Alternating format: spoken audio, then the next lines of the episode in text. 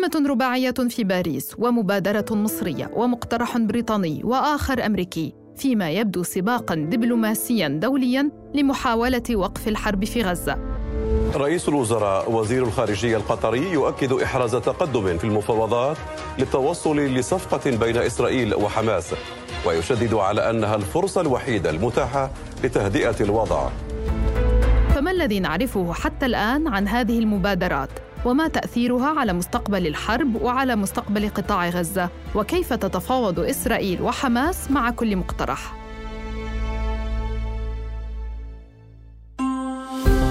بعد أمس من أثير الجزيرة أنا روعة أوجي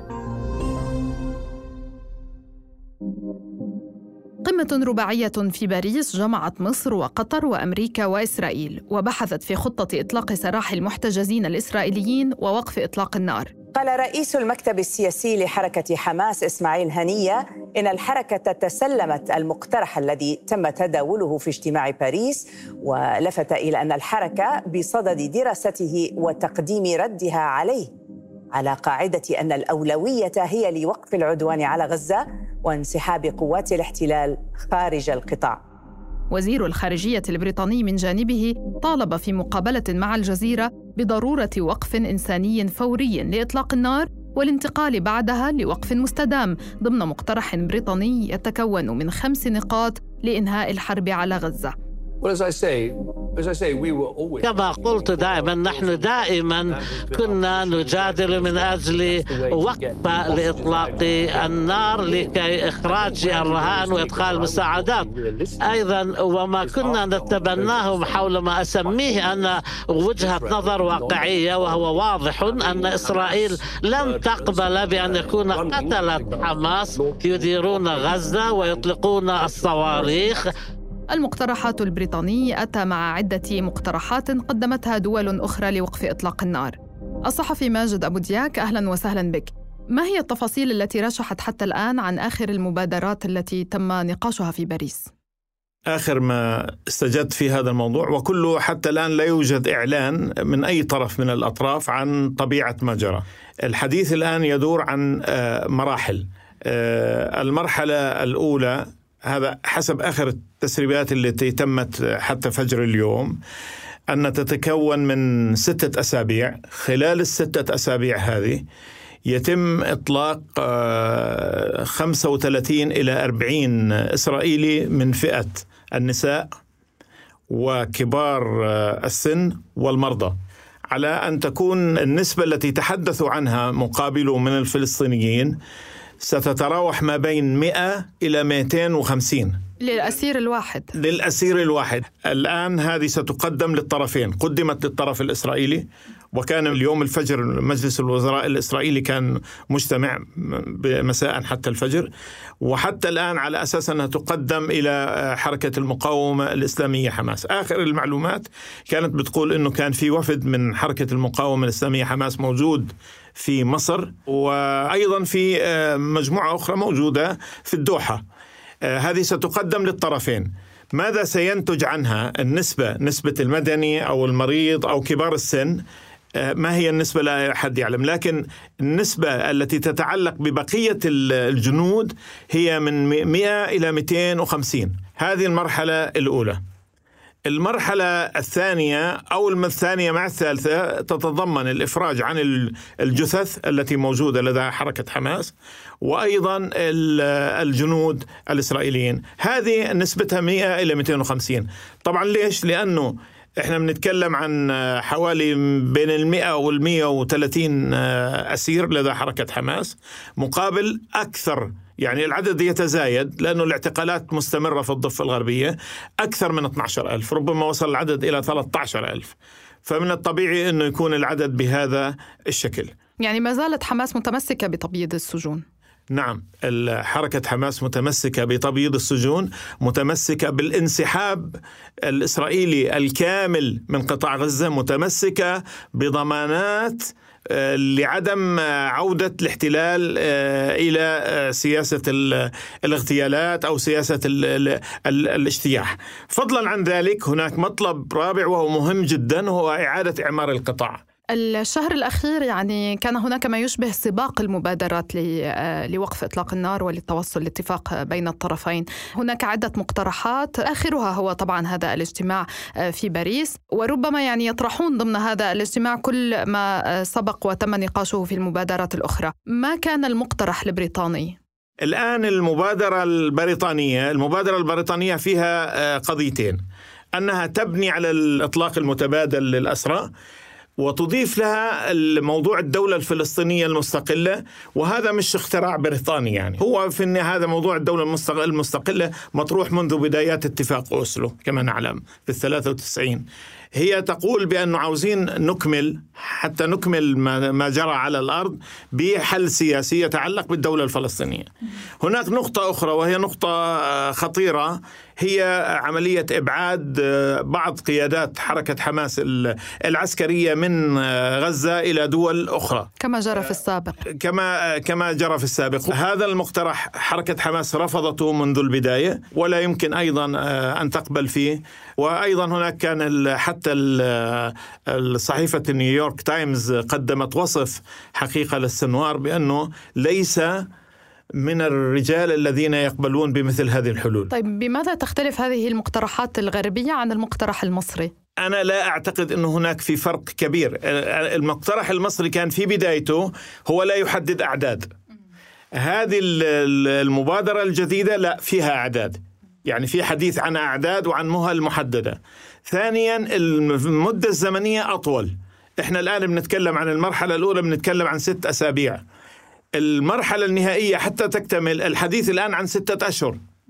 ممكن المرحلة الثانية تكتمل خلال أربعة ولكن المرحلة النهائية ستكتمل بستة أشهر. الأمريكيون ما الذي طرحوه وما الذي يتمسكون به؟ الأمريكيون آه، هم في النهاية في صف الموقف الإسرائيلي ليسوا في صف آه، آخر وإنما هم في صف الموقف الإسرائيلي. بمعنى أنهم لم يشددوا أو لم يطالبوا بوقف دائم لإطلاق النار. نعم. أصلا المبادرة آه، فيها نوع من السيولة بمعنى أنها لا تحدد أن هناك سيكون في وقف دائم لإطلاق النار بفترة محددة. يعني هم بيتكلموا أنه آه، ستنتج في النهاية عملية وقف إطلاق نار. ولكن لا يتكلم أنه هذا وقف إطلاق النار سيكون دائم أو مش دائم. وهذا هو سيكون مجال المحاورات والأخذ والرد ما بين الطرف الإسرائيلي والطرف الفلسطيني. من قراءتك للمشهد ما هي أكثر المبادرات واقعية وقابلية للتنفيذ؟ أنا أعتقد هذه المبادرة الأخيرة هي آه، لا أستطيع أن أقول أنها واقعية ولكن أستطيع أن أقول عليها آه، إجماع الأطراف اللي التي تدخل في الوساطة. كل ما ما طرح سابقا الآن أصبح جانبا. الآن إحنا نتحدث عن آه، مبادرة واحدة وحيدة موجودة ومطروحة على الطاولة. وهذه آه، كما ذكر وزير الخارجية القطري بأنه لن يتم فرض أي شيء على على أي طرف من الأطراف وتحديدا الطرف الفلسطيني لأنه الطرف الإسرائيلي كان بيتكلم دائما إنه آه، على قطر أنها تضغط أو ما تضغط فالرد القطري كان واضح بأنه هم وسطاء ليسوا مطالبين بالضغط على أي طرف من الأطراف. غابت حماس عن القمة الرباعية في باريس، كيف نقرأ هذا الغياب؟ حركة حماس كما تعلمين لا تتفاوض مباشرة مع الطرف الإسرائيلي. وطول آه، الفترات الماضية هي تتفاوض عن طريق وسطاء. ولذلك هي لا تحضر في هذه اللقاءات. ولكن عدم حضورها لا يعني غيابها. لأنه في النهاية أي اتفاق لن يتمم ولن يكون موجود ومطروح على الأرض بدون أن توافق عليه حركة حماس، لأنها موجودة على الأرض، هي ليست مهزومة، وهذا مهم جدا يعني ولا هو الطرف الإسرائيلي في حالة انتصار حتى يفرض ما يشاء وما يريد بالنسبة لمن ينتظرون في غزة وقف إطلاق النار هل برأيك بات, بات هذا الموعد قريب؟ لا أستطيع أن أقول بأنه بات قريب ولكن نستطيع أن نقول بأنه الطرف الإسرائيلي دخل في مزاج التفاوض لإطلاق الأسرى وهذا بحد ذاته تراجع إسرائيلي لأنه هو كان بقول أنه لا يأتي بالأسرى إلا بالضغط العسكري. وهو سيسوق حتى لو توصل إلى تسوية سيسوقها بأنه هو من خلال الضغط العسكري نجح فيها. المسألة قد لا تتم من الأساس وقد تستغرق بضعة أشهر وقد يعني تأخذ فترات طويلة. المفاوضات في باريس تطوي إذن صفحة كل ما سبقتها من مقترحات. ووزير الخارجية الأمريكي يصرح بأن الاتفاق المطروح في باريس يلقى قبولا كبيرا بين الأطراف المجتمعين أعتقد أن المقترح المطروح الآن بخصوص الرهائن في غزة والذي تشارك فيه إسرائيل وبطبيعة الحال مصر وقطر اللتان تلعبان دورا حاسما في التوسط بين إسرائيل وحركة حماس. أعتقد أنه مقترح قوي ومقنع وعلى حماس أن تتخذ قراراتها بنفسها بشأن هذه المحادثات. دكتور لقاء مكي الباحث الأول في مركز الجزيرة للدراسات أهلا وسهلا بك. بعد أربعة أشهر من العدوان والخسائر الإنسانية الكبيرة في قطاع غزة كيف نقرأ الاجتماع الرباعي في باريس؟ طبعا آه، هذا الاجتماع آه، جاء بعد آه، يعني مفاوضات شاقة وطويلة بين أطراف متعددة كان في المركز منها دولة قطر ومصر وكلاهما قاما بجهد كبير حقيقة للتواصل مع سواء حركة حماس أو مع إسرائيل من خلال الولايات المتحدة أيضا ودول أوروبية أخرى للوصول إلى حقيقة صفقات مقبولة من الطرفين تتضمن آه، تبادل الرهائن والأسرى وأيضا وقف إطلاق النار.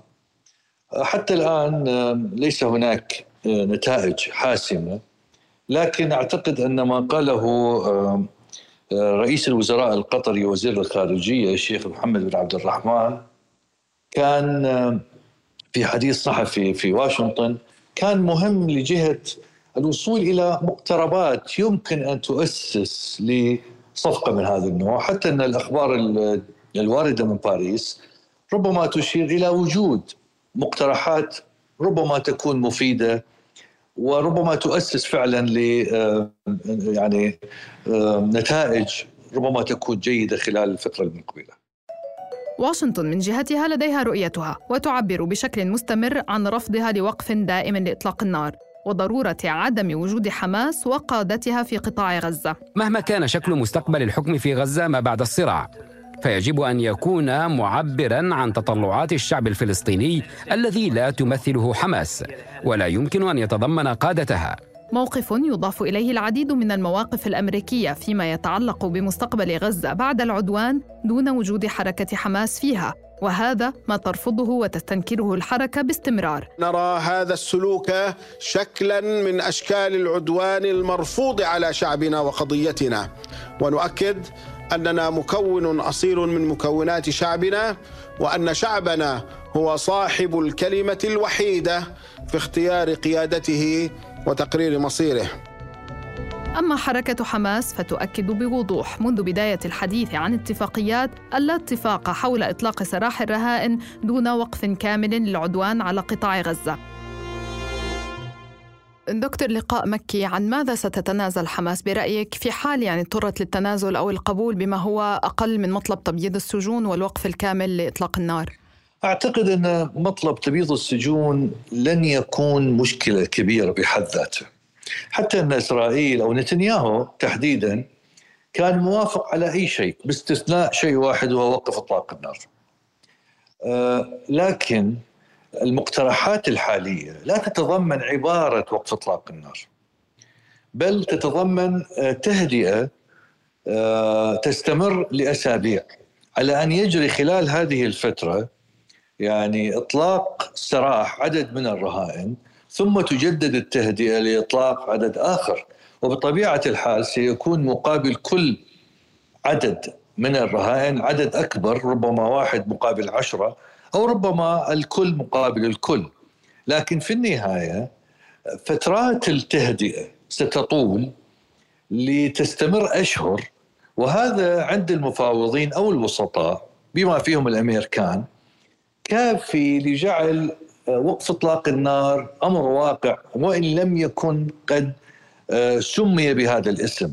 هذا سيجعل نتنياهو يقبل بهذا الحل باعتباره يعني لا يتضمن هذا الشرط الذي وضعه وهو وقف إطلاق النار وفي نفس الوقت يكون هو بعد هذه الأشهر لن يكون لا هو ولا الجيش الإسرائيلي بقادرين على العودة للعمليات القتالية بنفس الزخم الحالي. يعني سيكونوا قد فقدوا الزخم. نعم. ولكن ماذا عن المطالب الإسرائيلية بخروج قيادي حماس من غزة وفي المقابل مطالب حماس بالانسحاب الكلي الإسرائيلي من داخل القطاع؟ طبعا كل طرف في مستهل المفاوضات يضع سقف أعلى لمطالبه. هذا أمر متوقع وطبيعي في كل المفاوضات التي تجري بأي مكان. هناك سقوف عليا وحينما يجري التفاوض وبطبيعة الحال تفرض الاستحقاقات على الأرض نفسها على الجميع آه، لغرض الوصول إلى حلول وسط. أعتقد أنه في مثل هذه الحالة سيكون هناك حلول وسط تفرض على الطرفين لأن الغاية بالنسبة لإسرائيل هي إخراج الرهائن. والغاية بالنسبة لحماس الرئيسية اخراج الأسرى زائد وقف إطلاق النار أو إنهاء العمليات القتالية. وبالتالي هذا النمط من التفاوض سيكون يعني هذه حتى هذه الشروط أو المطالب هي حدود عليا وسقوف عليا. سيجري التعامل معها على أنها يمكن أن تخضع للتفاوض مقابل التنازل مقابل التنازل. وهذا أمر طبيعي ومتوقع. ما هي أولويات الأطراف الضالعة في المفاوضات من الأمريكيين من القطريين؟ أعتقد أن الأمريكيين والقطريين متفقان على آه، أن إنهاء العمليات القتالية أمر ضروري للغاية. وإن كان بصفة مؤقتة ولكن لفترات قد تعني بنهاية المطاف إنهاء العمليات بشكل كامل.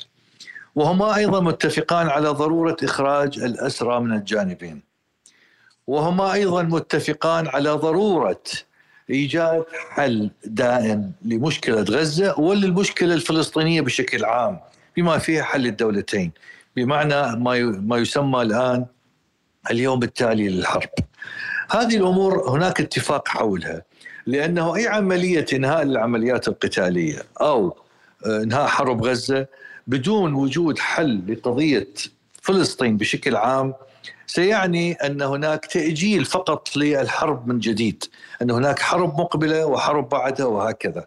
وكما قال آه، رئيس الوزراء القطري فعدم إيجاد حل لغزة وعدم وجود يعني وجود سلطة مشتركة للضفة وغزة سيعني فقط أن هناك عناصر لحرب مقبلة ستجري بعد سنوات سنة سنتين شهر شهرين لا نعرف متى. بعد هذه المبادرة في باريس وهذه المفاوضات التي جرت في باريس وما رشح عنها ما مدى قابلية تنفيذ هذه المبادرة التي خرجت في باريس ووصولها إلى مرحلة المفاوضات على حل دولتين وإقامة دولة فلسطينية مستقلة أعتقد يعني أنا أشك شخصيا أشك بنزاهة الجانب الإسرائيلي وقدرته على التنفيذ أي اتفاق. الجانب اليميني من الحكومة الإسرائيلية وهي المسيطرة على الحكومة الآن الأطراف اليمينية ترفض اولا أي مقاربة تتضمن بقاء حماس في القطاع أو إنهاء القتال بدون تحقيق أهدافهم. والأمر الآخر هو موضوع الدولتين حل الدولتين المطروح دوليا وامريكيا. أعتقد اني أيضا إن هذه الحكومة غير قادرة آه، بحكم مبادئها الإيديولوجية على الأقل غير قادرة مطلقا على تنفيذ هذا الشرط وهي لن تقبل به أصلا لأنه قواعدها الشعبية الانتخابية سترفض هذا وبالتالي الأمر عصيب آه، من الصعب آه، توقع إيجاد أي حل حقيقي للقضية الفلسطينية بدون وجود حكومة جديدة في إسرائيل بالخارج هذا الاتجاه اليميني المتشدد. أظن أن هذه الحكومة ستواصل الحرب اولا للبقاء في السلطة وثانيا لاستمرارها وإحراج إدارة بايدن عسى أن يكون ذلك سبب في سقوطه بالانتخابات حقيقة. يعني هناك محاولة من هذا اليمين للعمل لصالح ترامب كبديل أو جمهوري بشكل عام لغرض آه، إدامة الحل الإسرائيلي اليميني الذي يرفض أي دولة فلسطينية أو أي حل يقوم على حل الدولتين وإنهاء الاستيطان وعودة السلطة أو إعمار غزة وعودة اللاجئين آه، في غزة وهذه كلها أمور أساسية لأي حل آه، سواء كان مؤقت أو دائمي لا يمكن تصور أي حل في غزة بدون هذه الشروط الأساسية. وقف إطلاق النار وإطلاق سراح المحتجزين بندان أساسيان ترتكز عليهما المقترحات والمبادرات. تتبعهما تفاصيل أخرى بشأن تطبيقها يزداد الخلاف حولها. وكلما تقترب الوساطات من الاتفاق العام تتباعد الأطراف في الشروط والتفاصيل. فهل ستكون مبادرة باريس قادرة على وقف الحرب وتحقيق الأهداف؟ وأي طرف سيفرض شروطه على طاولة المفاوضات؟ بعد أمس من أثير الجزيرة تابعونا عبر كافة منصات البودكاست وأرسلوا لنا أسئلتكم ومقترحاتكم في التعليقات وعبر حسابات أثير على مواقع التواصل الاجتماعي. دمتم بخير ونلتقي بعد أمس.